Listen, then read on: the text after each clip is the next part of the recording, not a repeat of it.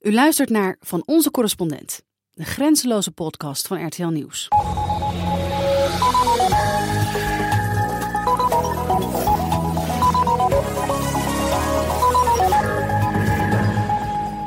Welkom. Twee keer per maand praten de correspondenten van RTL Nieuws over de laatste actualiteiten in hun land of over iets dat het nieuws deze week juist niet heeft gehaald. Ik ben Stefan de Vries, ik ben correspondent in Parijs en van hieruit nemen jullie mee over de hele wereld naar de standplaatsen van onze correspondenten. En in deze aflevering gaan we naar New York, Londen, Sao Paulo, Beijing en Amsterdam. Attention à la marche en descendant du train. Please mind the gap between the train and the platform. Bitte beachten Sie beim Aussteigen die Lücke zwischen Zug- und Bahnsteigkante. Schoorsteenpiet, wie kent hem niet? Hoe zouden de Britten en Brazilianen reageren als ze een man in een jurk met een zwarte knecht zouden zien lopen? Dat horen we van Anne Sane in Engeland en Sandra Kosjes in Brazilië. Het is hommeles in Hongkong.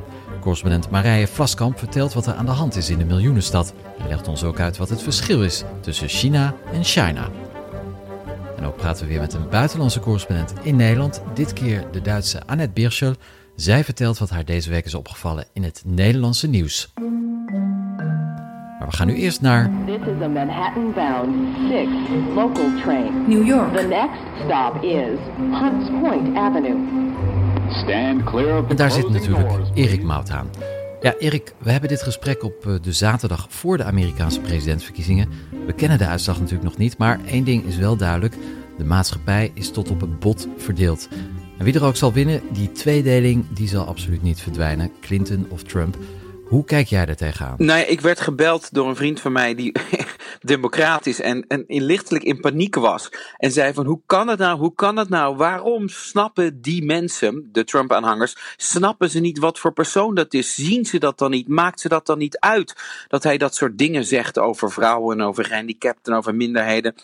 Dus er is echt een immens wanbegrip en een soort afkeer onderling van die bevolkingsgroepen. Dus die kijken naar elkaar rechts en links en eh, met minachting echt, met haat. Van, eh, want de rechtse mensen, de, de Trump-stemmers zeggen, die elites daar in hun grote steden, die ons maar door de strot douwen wat we allemaal moeten vinden. En dat we maar akkoord moeten gaan met links beleid in ieder land vraagt. En ons dan racist noemen als we het niet eens zijn met Obama's linkse plannetjes. Dus dat blijft, wie er ook gaat winnen.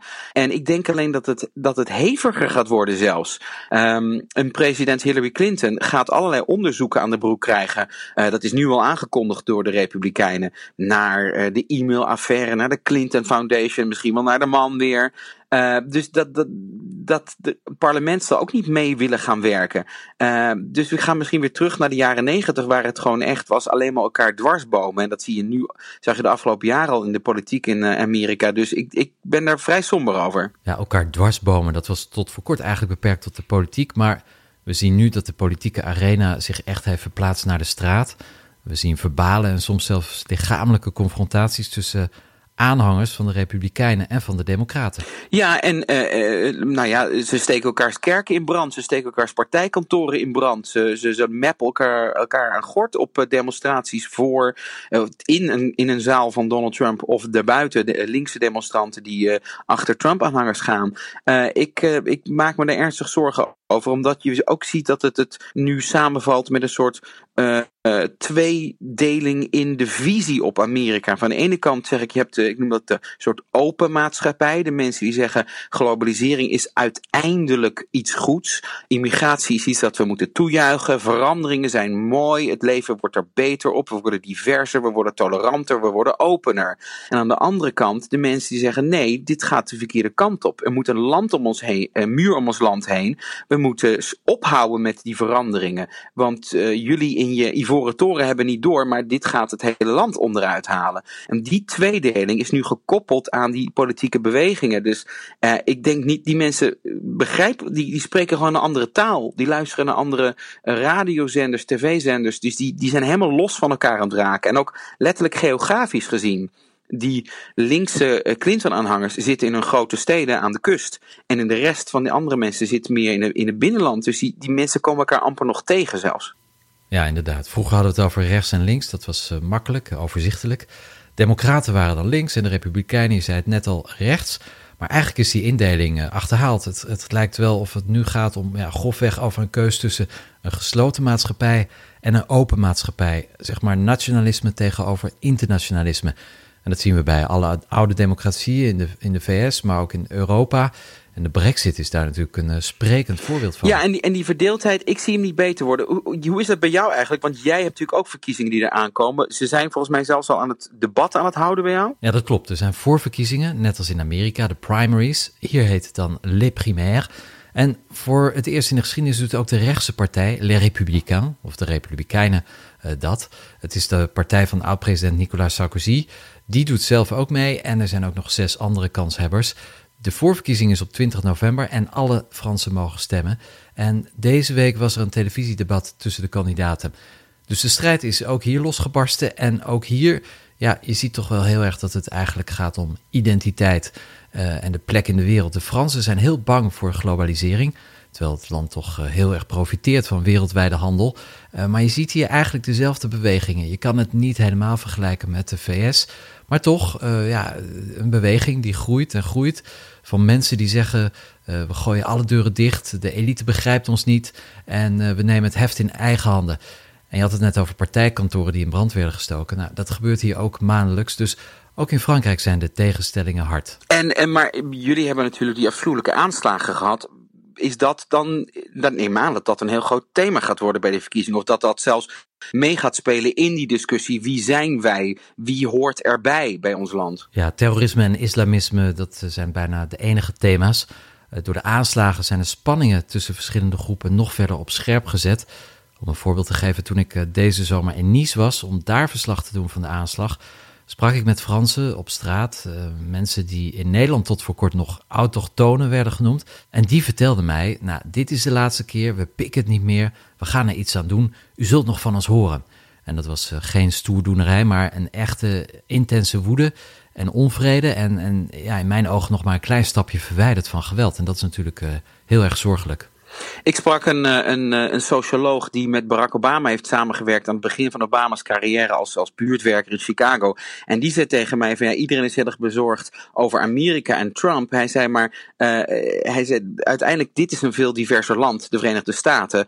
Dus een soort xenofobe regeringsvorm zal je hier niet snel krijgen, omdat gewoon één op de drie kiezers in Amerika is gewoon uit een minderheidsgroep. hij zei in, in Europa waar het nog steeds veel soort soort hetero, eh, homogene bevolkingsgroepen. Dus heel veel enorme groep blanken die in één cultuur leven. En een groep, zeg maar, immigranten die meer daarbuiten staan. Hij zei van daar zullen er, uh, de, de, de, de, zal de, de clash tussen die twee misschien wel groter worden. Uh, wat denk jij? Nou, wat ik opmerkelijk vind, is dat we het in Europa de hele tijd over immigratie hebben. Maar als je naar de cijfers kijkt, naar de statistieken, dan valt op dat er in Nederland en Frankrijk helemaal niet zoveel immigranten wonen. In beide landen gaat het om ongeveer 11 procent. En dat is zo'n beetje het Europees gemiddelde. En dat aandeel is al jaren behoorlijk stabiel. En er was begin dit jaar een opiniepeiling. En dan vroeg men aan mensen: hoeveel moslims wonen in jouw land volgens jou? En mensen in de Benelux en in Frankrijk antwoorden 30 procent. Dus ze dachten dat bijna een derde van alle inwoners moslim uh, was. In werkelijkheid gaat het om 6 tot 8 procent. Dus veel en veel minder. Dus wat domineert in het publieke en ook politieke debat is de perceptie. En als je afgaat op de media en op politici, ja, dan lijkt het eigenlijk alsof er niets anders bestaat. En, en ook hier in Frankrijk gaat het over bijna niets anders. En de echte problemen, het milieu, de economie, ja, dat schuiven ze liever uh, onder een tapijt. Nou ja, en het gekke is, uh, we hebben net nieuwe uh, werkgelegenheidscijfers uit Amerika binnengekregen. En hoewel er natuurlijk altijd veel verborgen werkloosheid is en mensen die niet meedoen aan de arbeidsmarkt, is die werkloosheid hier gedaald naar onder de 5%. dus, en, en dat is denk ik voor die, die, die, die, ja, die, dat wantrouwen onder die grote groepen laagopgeleide blanke kiezers in de Verenigde Staten al die mensen denken: hé, hey, oké, maar ik, ik krijg toch weer wel een baan en ik krijg toch net iets meer salaris. De inkomens zijn hier met 2% gestegen vorig jaar. Dat mensen denken: van oké, het gaat wel de goede kant op. En ik denk dat dat iets is dat de verkiezingen uiteindelijk het meeste beïnvloedt. Want mensen denken toch: hoe gaat het met mij? En ik denk natuurlijk dat, zeker in, in Frankrijk met al die aanslagen, dat je persoonlijke veiligheid van groot belang is. Maar uiteindelijk draait het erom: van krijg ik het beter in mijn leven? En um, ik denk dat de meeste Amerikanen nu zullen zeggen: ja, het, ik, ben het, ik ben het zat met die elites en het establishment, maar mijn leven is er wel beter op geworden sinds de recessie. En dat is natuurlijk de vraag. Ik vraag me af hoe, hoe dat in, in Frankrijk zou uitpakken. Ja, Bill Clinton zei toch al: It's the economy, stupid. En ja, daar gaat het toch uiteindelijk om. Ja. Maar hier, ja, de economie is hier toch wel echt een uh, weeskind uh, in de campagne. Onder Sarkozy kwamen er bijna een miljoen werklozen bij. Onder Hollande ook nog eens een keer bijna een miljoen. Dus dat zijn alweer tien uh, verloren jaren waarin geen enkele regering, links nog rechts, een oplossing heeft gevonden voor dit uh, probleem. En als je dan naar zo'n debat kijkt de afgelopen donderdag, dan is het ten eerste heel erg saai. Maar ten tweede gaat het alleen maar over de dreiging, het terrorisme, de religie, het aanpassen aan de Franse waarden. Want daar gaat het natuurlijk om. Terwijl heel veel mensen eigenlijk denken: zorg toch voor banen voor mij of mijn kinderen en zorg dat ik veel meer salaris verdien. En dat horen politici wel, maar ja, met oplossingen komen ze niet. Nou, een verkiezing kan uh, een, een, oplossing brengen, of in ieder geval het debat uh, een andere kant op duwen. Kijk, als uh, in, in, Amerika gezegd wordt, bijvoorbeeld, dat ik kan me voorstellen dat de Republikeinen hier zouden kunnen gaan zeggen: we moeten toch maar eens gaan werken aan een oplossing voor dat immigratieprobleem. Al die illegalen in het land zitten, toch maar mogelijk een verblijfsvergunning, omdat ze gewoon door Latino-kiezers uitgekotst zijn. En soms zie je dat een verkiezing dat ook teweeg kan brengen. Want uiteindelijk kijken we naar politici om, om uh, veranderingen in de, in, de, in, de in de samenleving door te voeren. Of in ieder geval wetten in, aan te nemen die het land een bepaalde koers opduwen. Dus misschien dat die verkiezingen wel kunnen leiden tot uh, een, een andere koers op sommige van die punten. Maar die onderliggende factoren, voor mijn gevoel, die onvrede onder mensen die hun land zien veranderen. En het argwaan naar de heersende klasse, zou ik maar zeggen. Ik denk dat dat niet weg gaat voorlopig. Nee, ik vrees het ook. Dezelfde trend bestaat natuurlijk ook in Nederland. Over iets meer dan vier maanden bij de Tweede Kamerverkiezingen zullen we zien hoe dat gaat. En dan een paar weken later is de presidentsverkiezing in Frankrijk. En de grote vraag is dan natuurlijk, gaan de ramen open of worden er hoge muren gebouwd? Ik weet het niet. We zullen het zien. Maar nu moet jij eerst aan de bak. Het wordt een drukke week voor je, Erik. We hebben veel extra uitzendingen de komende week op RTL Nieuws en ook online op rtlnieuws.nl natuurlijk. Heel veel aandacht voor de verkiezingen. Uh, sterkte met die drukke week. Dankjewel, Erik Mouthaan in New York.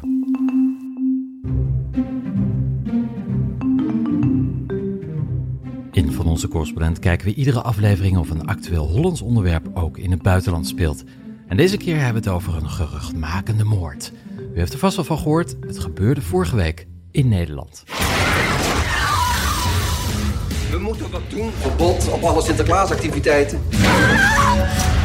Doe het niet zo abrupt als RTL op dit moment doet. Daarmee vermoord je het Sinterklaasfeest. Ik had me toch een hele andere Sinterklaasavond voorgesteld. Ja, wij van RTL hebben Zwarte Piet vermoord, althans volgens een Nederlandse politicus. Het zij zo. Maar hoe gaan ze in het buitenland eigenlijk om met het fenomeen? In Londen wonen veel Nederlanders en ook zij vieren natuurlijk Sinterklaas. Misschien is Anne Sane, onze correspondent in Londen, die we nu aan de lijn hebben, nog wel gehecht aan Zwarte Piet. Anne? Ja, ik denk dat veel Nederlanders in het buitenland wel gehecht zijn aan Zwarte Piet. Ook hier in Groot-Brittannië inderdaad. Uh, wat ik wel weet is dat ik uh, op de Nederlandse school vorig jaar al dat er een uh, schoorsteenpiet was. Een schoorsteenpiet met een regenboog op je wang. Dat zag ik op de website. Een regenboog op de wang? Nou, zover is zelfs RTL nog niet. nee, nee, inderdaad. En dan, uh, de, ja, er is ook nog een Sinterklaasviering door de Nederlandse vereniging. En um, ik weet wel dat er nog een, Nederlands meisje is die zich privé verhuurt als Zwarte Piet. Als de traditionele zwarte Zwarte Piet. En ja, ouders in, in Londen de Nederlandse ouders hebben daar schijnbaar geen uh, problemen mee. Ze zei ook dat ze nooit klachten had gehad en dat ze ook nooit uh, uh, gevraagd is of ze zich anders zou, zou willen kleden voor bepaalde feesten. Ze zei dat eigenlijk niemand er een probleem mee had. Ja, zolang, wat ze alleen niet durfde was over straat te gaan. Ze ging wel van taxi, met een taxi ging ze van gezin tot gezin. Want ja, op, in Groot-Brittannië op straat wordt het zeker niet gewaardeerd. En dat hebben we in 2014 ook gezien toen er een Sinterklaas en een twee Zwarte Pieten door Hyde Park in centraal Londen liepen. En toen die werden aardige. Wat gebeurde er daar? Ja, dat was voor een, een documentaire van een uh, van de VPRO. En uh, zij werden daar wel op aangesproken. Ze deelden gewoon snoep uit. Maar ja, de meeste mensen die we in ieder geval in die documentaire zagen, die konden hun waardering daar niet over uitspreken. Mensen waren vol ongeloof eigenlijk dat dat nog bestond in Nederland. In Nederland dat gezien wordt als zo'n liberaal land eigenlijk. En dan uh, nog met Zwarte Pieten. En ook de, ze hadden nog wat voorbeelden uit boekjes, lieten ze zien aan, aan uh, voorbijgangers in het park. En uh, ja, die, die waren echt ja, vol, vol, ongeloof en zelfs ook kwaad. ze werden ook aangevallen op een gegeven moment. weggestuurd bij, weggestuurd bij een, een speelplaats met kinderen door een hele kwade vrouw. Dus ja, je ziet maar van daar ook, en dat noemde de Zwarte Piet die hier in Londen werkt ook. Ze zei, Nederlanders hebben er niet zoveel last van, maar ik durf vanwege dat filmpje op internet eigenlijk niet meer over straat. Dus dat geschminkte, autochtone Nederlandse meisje heeft eigenlijk last van een omgekeerd racisme. arme Zwarte Piet. Arme, arme Zwarte Piet. Oké, okay, dank je. Anne Sane in Londen. Ja, in Engeland zou Zwarte Piet dus niet kunnen, maar hoe zit dat in Brazilië? Laten we daarvoor schakelen naar Sao Paulo. Daar zit Sandra Korsjes. En daar gaan ze nog een stukje verder dan wij met de zwarte schmink. Hoe zit dat, Sandra? Ja, ja, eigenlijk is Brazilië natuurlijk heel erg een uh, immigrantenland. Er, meer dan de helft van de mensen hier is zwart. Dus je zou eigenlijk verwachten dat er niet zoveel racisme is. Maar ja, het tegendeel uh, is waar. En vorig jaar was hier een, uh, een, ja, een soort van zondagmiddag talkshow. waar ze op een gegeven moment een personage hadden. Dat noemden ze de Afrikaan. Ja, dat, dat, was echt, ja, dat was echt iemand die was dus helemaal zwart gesminkt ook. Uh, maar dat ging nog veel verder, want het was echt een soort primitieveling die alleen maar oerkreten uh, uit kon slaken eigenlijk. Ja, laten we even naar een fragmentje daarvan luisteren.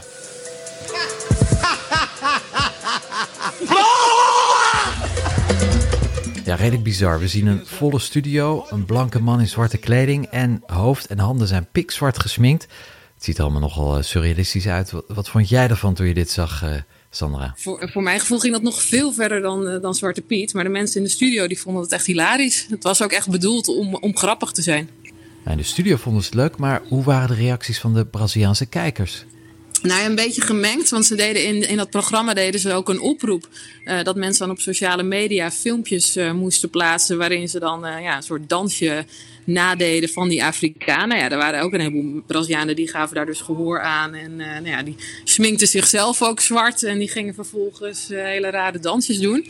Maar er was toch ook wel heel veel kritiek op. En uiteindelijk heeft het programma ook zelfs excuses moeten aanbieden. Omdat er dus toch ook wel heel veel Brazilianen zeiden van ja, dit kan gewoon echt niet meer. Maar ja, het, het gevoel was nogal dubbel. Als ze zelf al zo ver gaan, dan zou je denken dat een ouderwetse zwarte Piet best door de beugel kan bij jou in Brazilië. Ja, nou, mijn dochter die wordt deze maand één. Dus ik ga voor, dit, voor het eerst eigenlijk dit jaar ga ik hier echt uh, Sinterklaas vieren. Vanwege haar dan natuurlijk. Uh, maar de Nederlandse vereniging hier, die kijkt eigenlijk juist weer heel erg gewoon naar Nederland. En, uh, en de discussie daar. en zij gaan wel meer richting de, de roetveegpieten, om ze zo maar even te noemen.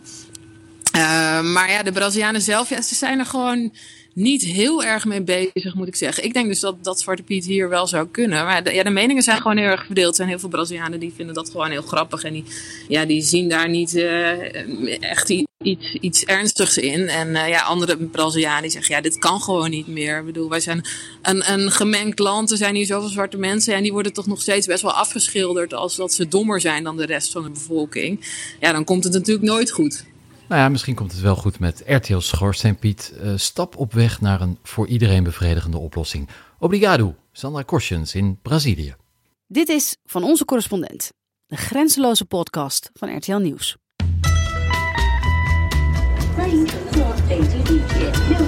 Overstappen voor de richting Beijing.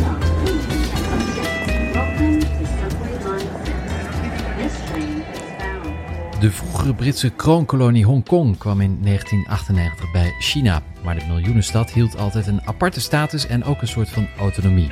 Begin september waren parlementsverkiezingen en daar haalde de onafhankelijkheidsbeweging grote winst. Die nieuwe parlementsleden, veelal jongeren, weigeren al weken trouw te beloven aan China en sindsdien is er een padstelling. Marije Vlaskamp zit in Beijing. Zij praat ons bij. Marije, waar gaat de ophef precies over? Uh, je kan wel zeggen dat het een totale chaos is en dat al drie weken lang. Er wordt gewoon niet vergaderd. Uh, Uh, het enige waar het om draait, elke bijeenkomst van dat Hongkongse parlement, is het beëdigen van een stel jonge, radicale nieuwe parlementariërs die net de verkiezingen hebben gewonnen. En die parlementariërs die maken er nogal een stunt van om ja, niet de woorden van de eet uit te spreken zoals het moet. Ja, een van die kerstverse parlementariërs is Yao Wai-ching. Zij is 25 jaar en zij legde de eet zo af. Being a member of the Legislative Council of the Hong Kong Special Administrative Region of the People's Republic of China, I will uphold the basic law of the Hong Kong Special Administrative Region of the People's Republic of China, bear allegiance to the Hong Kong Special Administrative China, Region China, of the People's Republic of China. tomato. Mij klinkt het bijna hetzelfde in de oren. Maar er is een groot verschil. Ja, er is zeker een groot verschil. Uh, hoe zou jij het vinden als een Duitser jou aanspreekt als Untermensch? Ja, kun je, kun je het daarmee uh, vergelijken? Dat is precies zo te vergelijken. Uh, China, dat was de Japanse benaming voor mensen die in China wonen tijdens de Japanse bezetting. Uh, dus dat is hier uh, een schop tegen een heel erg zeer been. Uh, daar hebben ze niet alleen Chinezen in de Volksrepubliek mee op de kast gekregen. Zo'n jonge politica, die Yao Wei-ching, die heeft daar ook Chinezen wereldwijd die zich aangesproken voelen op een hele negatieve manier. doordat China zeggen. Uh, nou is zij natuurlijk jong, uh, zich niet bewust van die historische gevoeligheden. Maar uh, ja, daarmee heeft ze haar eigen zaak meer kwaad dan goed gedaan. omdat nu iedereen daarover valt en het niet meer heeft over of zij het recht heeft om in dat parlement bij de beëdiging te weigeren om trouw te zweren aan de Volksrepubliek China. Daar gaat het natuurlijk om. Zij werd gedwongen daar een eed af te leggen die tegen haar principes indruist. Zij wil onafhankelijkheid, dus zij wil niet zeggen: ik zweer trouw aan de Volksrepubliek China. Uh, maar omdat ze dus dat woord heeft gebruikt, dat China, heeft iedereen het daar nu over. En niet over het principe of je als Hongkongs politicus ja, je mag afscheiden of voor afscheiding mag pleiten. Die onafhankelijkheidsvraag, is, is dat het belangrijkste onderdeel van het programma van uh, de nieuwe parlementariërs? De nieuwe parlementariërs die verzetten zich tegen de dominantie uh, van Peking uh, over de Hongkongse politiek. Hongkong, dat is een, ja, een, het hoort bij China, maar ze hebben beperkte autonomie. Ook politiek, economisch, juridisch. Dus ze mogen beperkt hun eigen gang gaan. Nou, die jonge radicale politici vinden dat Peking juist veel te veel ingrijpt in het leven in Hongkong. En die ijveren dus eigenlijk voor, en dat is het allergrootste taboe in Hongkong wat je maar kan verzinnen, onafhankelijkheid. Daar hebben ze actief campagne mee gevoerd. Daar zat Peking al met gekromde tenen naar te kijken hoe een stel van die jongeren dus uh, het taboe doorbraken en pleiten voor afscheiding van Hongkong. Maar ze hebben dus nog gewonnen ook, die verkiezingen. En uh, ja, vandaar dus de chaos in het parlement. Het is echt een politieke crisis. Is er een oplossing in zicht om uit deze politieke impasse te komen? Kan twee kanten op. Uh, het kan gigantisch uit de hand lopen. Uh, het kan weken zo doorgaan. Uh, het is nu al drie weken aan de gang dat het parlement niet kan vergaderen. En de demonstraties en het geduw en getrek rondom dat parlement wordt eigenlijk elke week heftiger.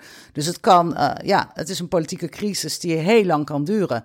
Het kan ook heel snel afgelopen zijn op een hele negatieve manier. Dat is namelijk dat ze hier in Peking er volkomen genoeg van krijgen. Ze zien deze situatie al aan met, met gekromde tenen, met flinke irritatie. Communistische Partij kan gewoon besluiten te zeggen: joh.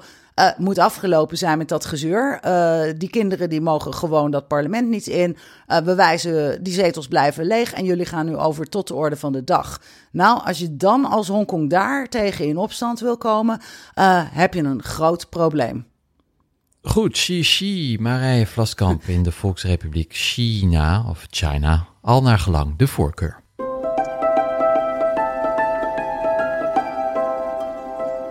Als RTL-correspondenten brengen wij elke dag het nieuws vanuit het buitenland naar u.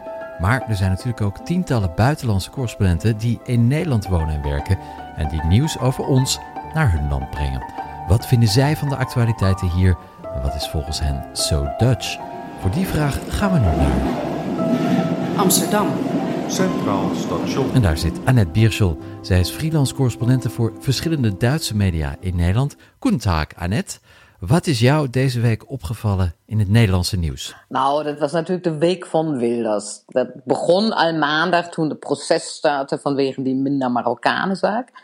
En het eindigde, die week eindigde ook weer met Wilders en die rechtszaak. Want uh, op vrijdag had uh, de advocaat van Wilders dus de rechtbank gevraagd. Dat werd dan afgewezen, maar het was toch nog even, uh, was toch nog even spannend of het dan weer een paar weken lang zou stil liggen. Ja, hoe heb je dan je publiek verteld deze week over de rechtszaak?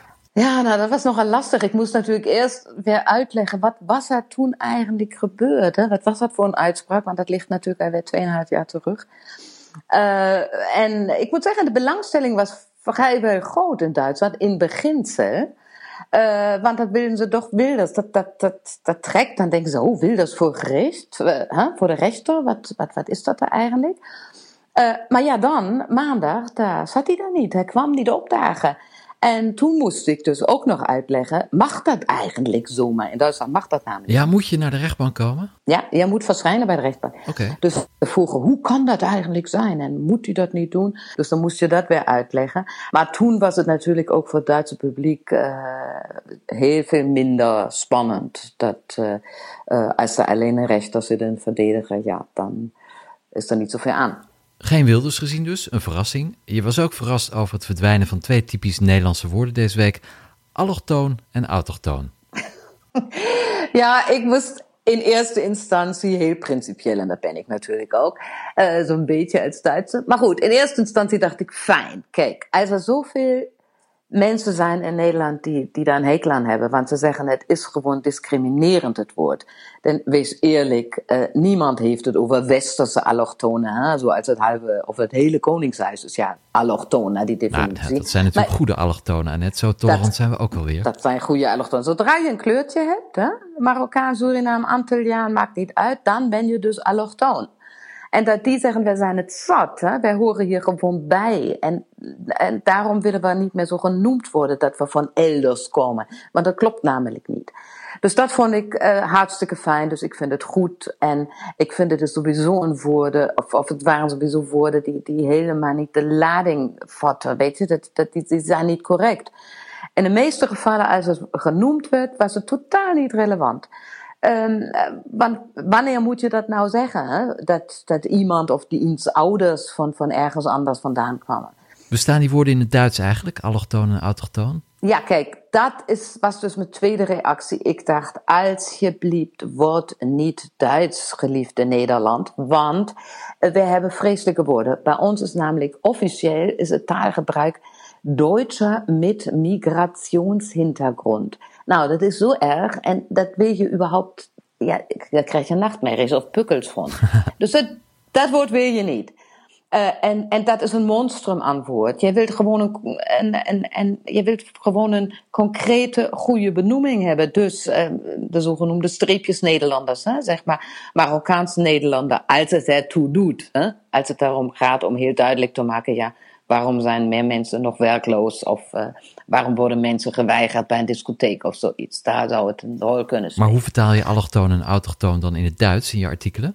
Nou ja, dat was uh, de afgelopen jaren dus mijn groot probleem. Want allochtoon, autochtoon kenden we niet. En dan moest ik weer een definitie brengen. Nou, het komt uit het Grieks en betekent komt van elders. Uh, en, maar eigenlijk bleef zo'n zo'n gevoel dan altijd bij mijn collega's bleef dan achter zijn dat racisten, die Nederlanders, dat ze zo'n woord bedenken. Waarom kunnen ze niet gewoon zeggen wat dat, uh, waar die mensen vandaan komen? Dus uh, ik hoop dat het er nu komt. En ik heb een vurige hoop ook dat Nederlanders gewoon gezellig en leuk en vindingrijk uh, blijven zoals ze altijd zijn. Namelijk nu een heel leuk woord bedenken wat het echt treft. Dank je Annette Bierschel, correspondent voor verschillende Duitse media en een Nederlander met immigrationshintergrond. En daarmee zijn we aan het einde gekomen van de grenzeloze podcast van RTL Nieuws van onze correspondent. Vragen en opmerkingen kunnen naar rtlnieuwspodcast.rtl.nl. Vergeet niet de podcast te delen met vrienden. Abonneren kan in iTunes. En we zijn er nu ook in de app TuneIn Radio. We sluiten iedere aflevering af met de nummer 1 hit van dit moment, ergens ter wereld. We hadden het net over Hongkong en daar is dit nu de grootste hit, 1111, van de Zuid-Koreaanse zangeres Tae Yong. Bedankt voor het luisteren en tot de volgende keer. 이 시간이 전부 지나고 나면 이별이 끝나 있을까 yeah. 널다 잊었을까 모든 게 자리를 찾아서 떠나가고 넌 내 모든 걸 갖고서 떠나도 내 맘은 시계 속에 두 바늘처럼 같은 곳을 두고